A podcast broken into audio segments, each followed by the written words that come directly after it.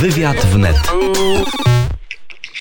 A gościem poranka wnet jest pan profesor Andrzej Zybertowicz, doradca prezydenta i doradca szefa Biura Bezpieczeństwa Narodowego. Dzień dobry, panie profesorze. Dzień dobry, witam wszystkich słuchaczy. Wczoraj odbyło się dużo rozmów. Jarosław Gowin spotykał się m.in. z Tomaszem Grodzkim, z Borysem Budką, z Małgorzatą Kidawą-Błońską. Na koniec pojechał na rozmowy do Pałacu Prezydenckiego. Panie profesorze, mm, jak pan patrzy na te spotkania Jarosława Gowina, na jego stanowisko, oczywiście dotyczące zmiany konstytucji i przesunięcie wyborów o dwa lata, czy możemy być pewni tego, co zrobi porozumienie, że poprzez y, zmiany dobrej, y, zmiany prowadzone przez dobrą zmianę, a co za tym idzie, że po prostu będziemy mieć pewność i wybory prezydenckie odbędą się w maju? Myślę, że sytuacja dalej pozostaje niepewna. Wczoraj na spotkaniu prezydenta wymieniono poglądy, nie podjęto zobowiązujących decyzji. Gdy przyglądam się aktywności Jarosława Gowina, to myślę, że kiedyś historycy bardzo surowo mogą ocenić to zachowanie, bo przyczynia on się do uwikłania całego państwa polskiego w pułapkę, z której może być trudno wyjść.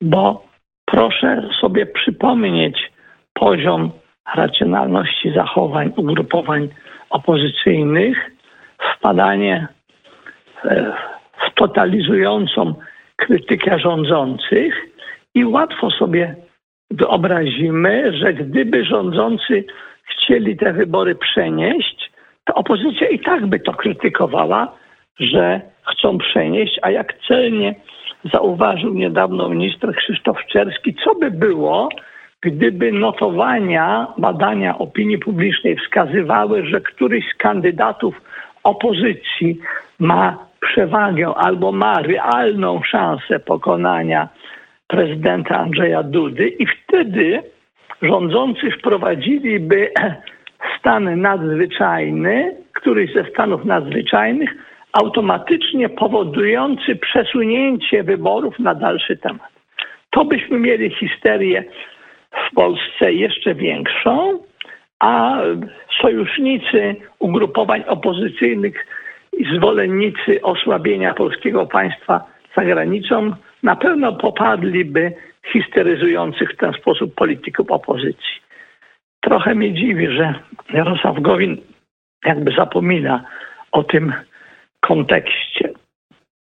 Mam też wrażenie, że ci, którzy mówią, że wybory są nie do zrobienia zgodnie ze standardami demokratycznymi z powodów organizacyjnych, z powodu braku czasu, przecież sami aktywnie przyczyniają się do tego, żeby wywołać chaos, na przykład namawiając samorządowców, żeby, e, żeby utrudniali proces przygotowania do wyborów oraz wykorzystując przez Senat cały 30-dniowy, prawnie przynależny Senatowi okres czasu do złożenia e, e, uwag do propozycji ustawowej.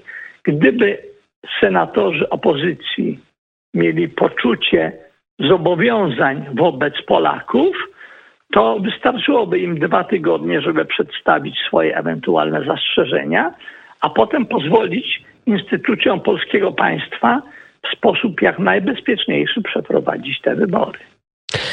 Tak, dzisiaj między innymi w Senacie debata trzech komisji mm, senackich. Będą oni debatować na temat tego projektu i tego, czy wybory korespondencyjne powinny się odbyć. To już w najbliższym czasie będziemy wiedzieć, e, panie profesorze, ale jeszcze zapytam o tę bieżącą rzecz odnośnie tego. Dzisiaj ma się ponoć odbyć jakieś bardzo ważne wystąpienie Donalda Tuska. O tym poinformował wczoraj Paweł Graś. Czy pan e, wiąże jakieś e, duże nadzieje z tym wystąpieniem i czy to może zatrzymać część e, polską sceną polityczną i właśnie wyborami prezydenckimi, czy raczej nie przywiązuje pan wagi już do Donalda Tuska? Ja myślę, że cała ta sytuacja jest e, godna uwagi, bo ona po pierwsze pokazuje nędzę opozycji i nędzę intelektualną znacznej części zwolenników opozycji. Otóż oni tak bardzo nie wierzą w to, że wybrani przez zwolenników opozycji parlamentarzyści, posłowie, senatorowie, politycy obecni w mediach każdego dnia, we wszystkich mediach, że mają coś ważnego do powiedzenia Polakom, że, ma, że mają Polakom, że, że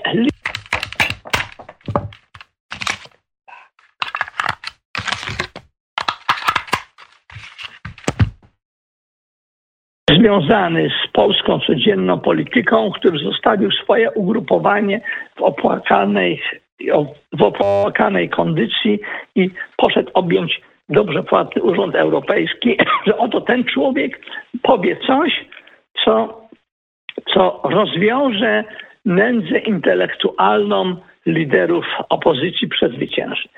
Gdy pytano mnie parę dni przed planowanym, wcześniej ogłaszanym szumnie wystąpieniem Donalda Tuska, co on powie, chyba dotyczyło tego wystąpienia na Uniwersytecie Warszawskim, to przedstawiłem prognozę, prawdopodobnie będzie insynuował. Tak jak robi to w swoich wpisach na Twitterze.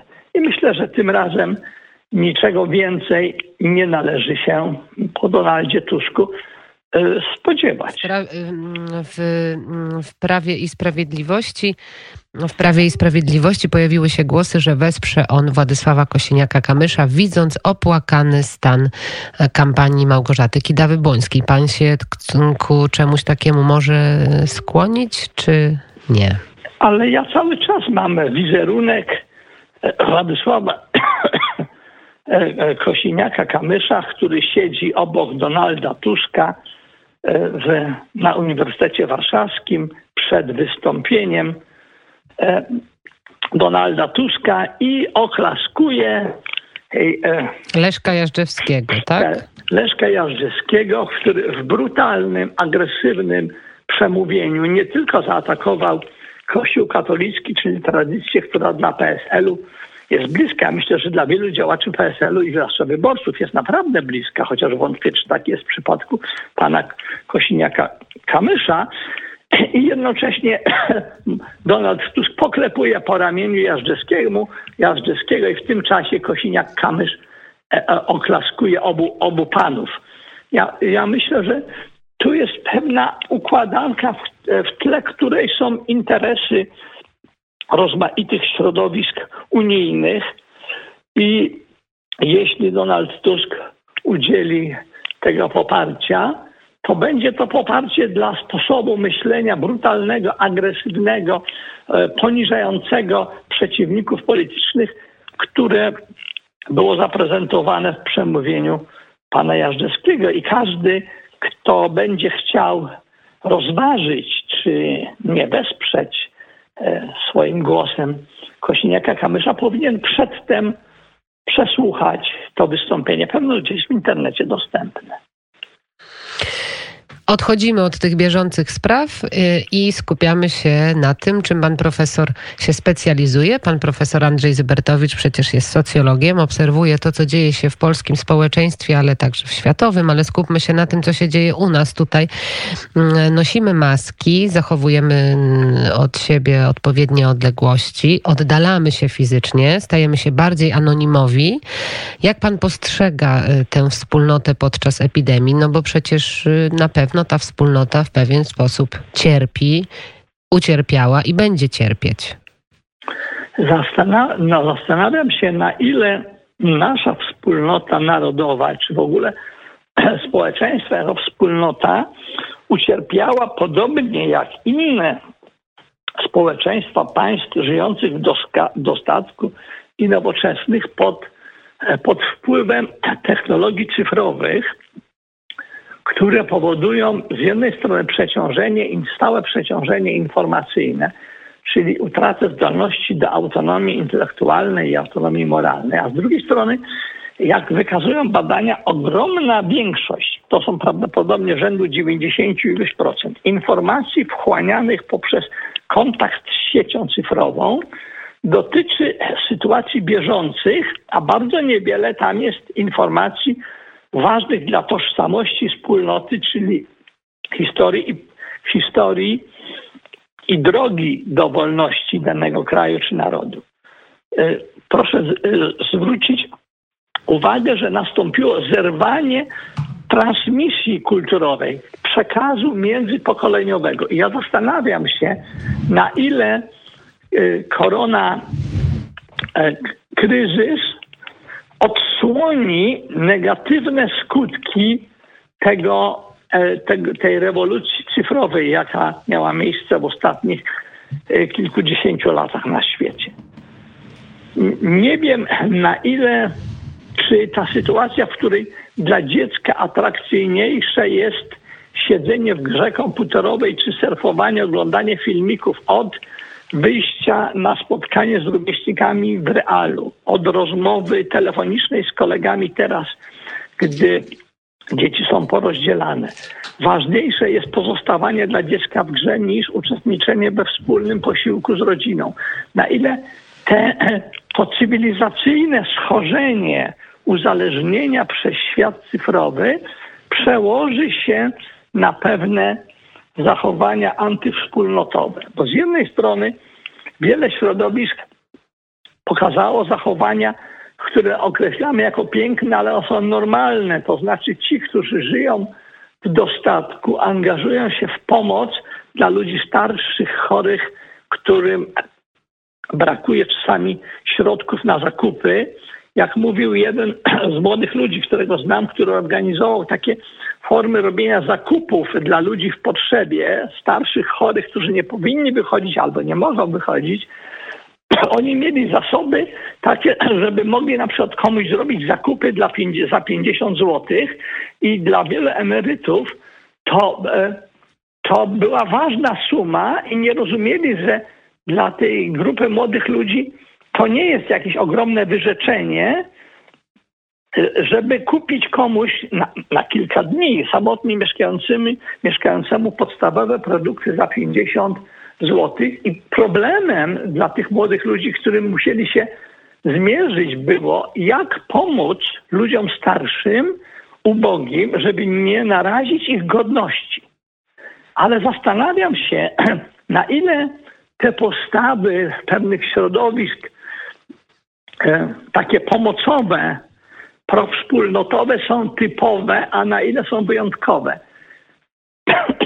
Nie znam, pewno są już robione wstępne badania, które e, jakby mierzą w sposób e, naukowo wiarygodny gotowość do takich postaw, czy, czy rozległość tkanki instytucjonalnego wsparcia dla takich postaw troski o, o słabszych, o, o schorowanych i tak dalej, ale i zastanawiam się, kto czy co wygra w tym starciu. Czy destrukcyjna moc technologii cyfrowo-sieciowych, czy ludzkie odwieczne odruchy Solidarności.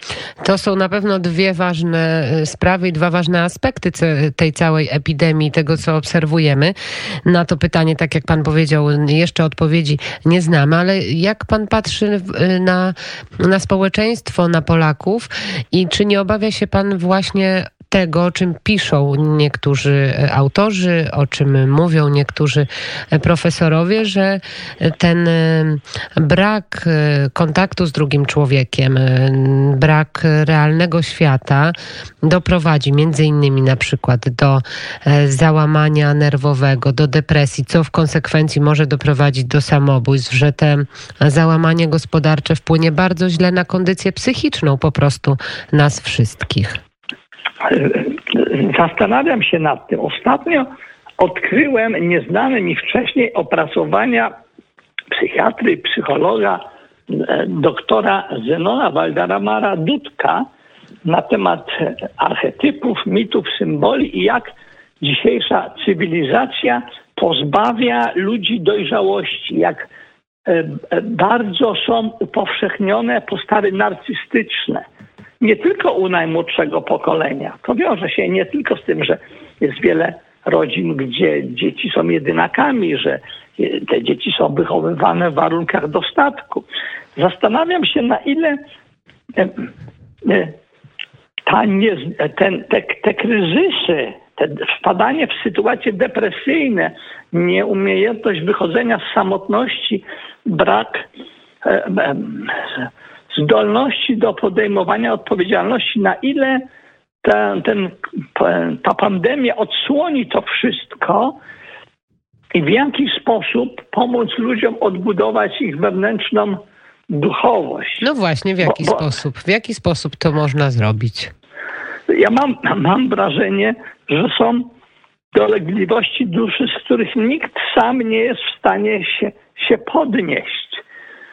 I doktor Dudek powiedziałby pewno, że trzeba ćwiczyć e, rozmowę z samym sobą i szukania odwiecznych, tradycyjnych archetypów, czyli pewnych wzorców zachowań, które zostały opisane przez, przez sztukę antyczną, przez, e, przez mity greckie, ale także przez zachowania e, naszych przodków już epoki bliskiej. Gdy, gdy czytam o, o, o mitach greckich, to widzę głębszy sens okrzyków wznoszonych przez młodych ludzi w Marszu Niepodległości, wołających cześć i chwała bohaterom.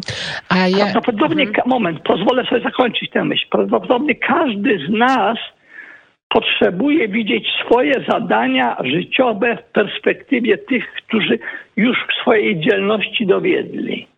A nie ma pan wrażenia, że podczas y, trwającego kryzysu, podczas tej epidemii, my, Polacy, właśnie bardziej zwracamy się w stronę naszych korzeni, czyli mm, europejska cywilizacja zachodnia. No mówię tutaj o wierze, mówię tutaj o Kościele katolickim.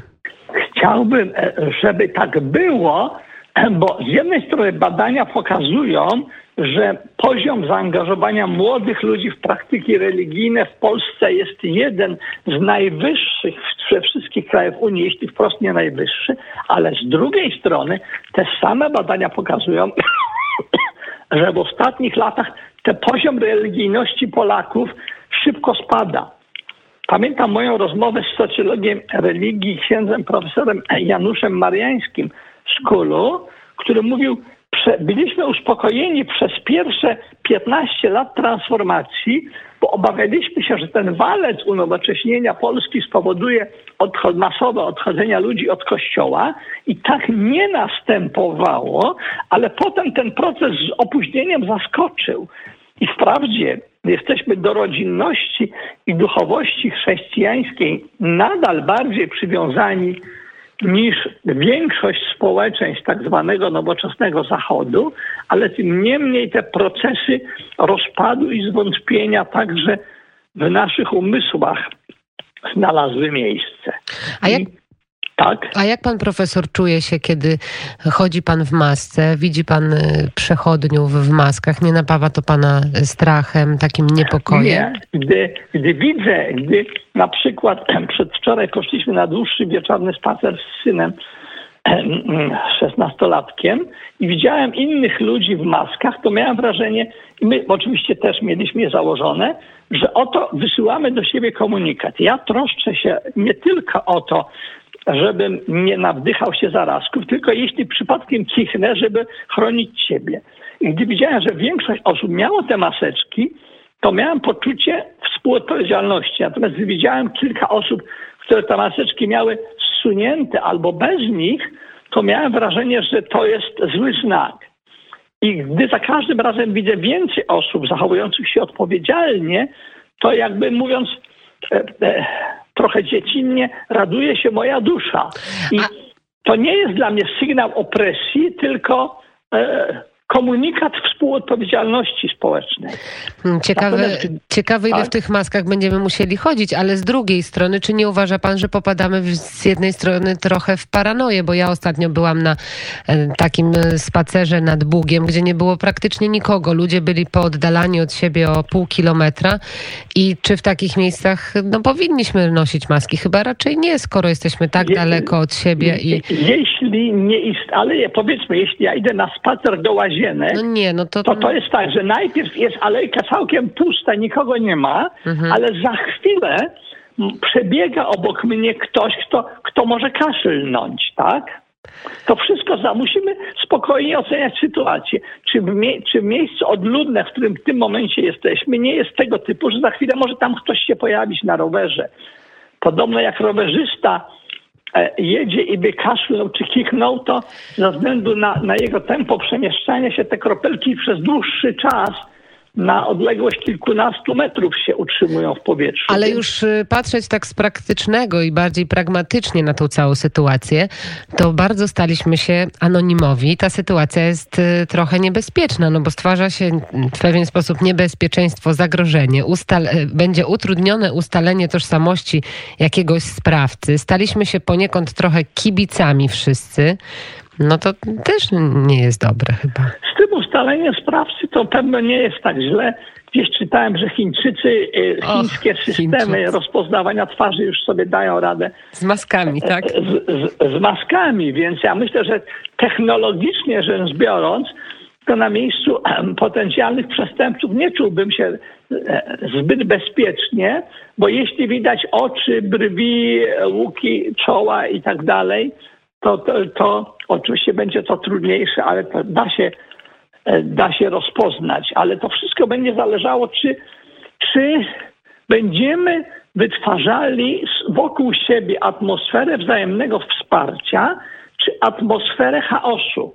Bo gdy czytam niektóre wypowiedzi, e, wypowiedzi środowisk e, opozycyjnych, do czego mają, mają prawo oczywiście, to e, e, kumulujące krytyczne opisy tych rozmaitych sytuacji, niedoróbek naszego państwa, które są rzeczywiste i robiących z tego e, ja- jakby e, sytuację rozpaczliwie dramatyczną. A gdy przeglądam prasę zagraniczną i widzę podobne opisy w najbardziej, wydawałoby się, bogatych, najlepiej zorganizowanych państwach, że, że tu nie działa jakiś element systemu, tam nie działa, tu zabrakło maseczek, tam gdzieś jakieś e, środki do testowania okazały się być niedopasowane do tej fazy choroby, to widzę, że wszędzie to, to e, wszędzie pewne elementy nie działają, ale tylko u nas widzę histeryczne robienie z tego sytuację taką, jakby już nic nie działało, jakby nawet nie było tej przysłowiowej,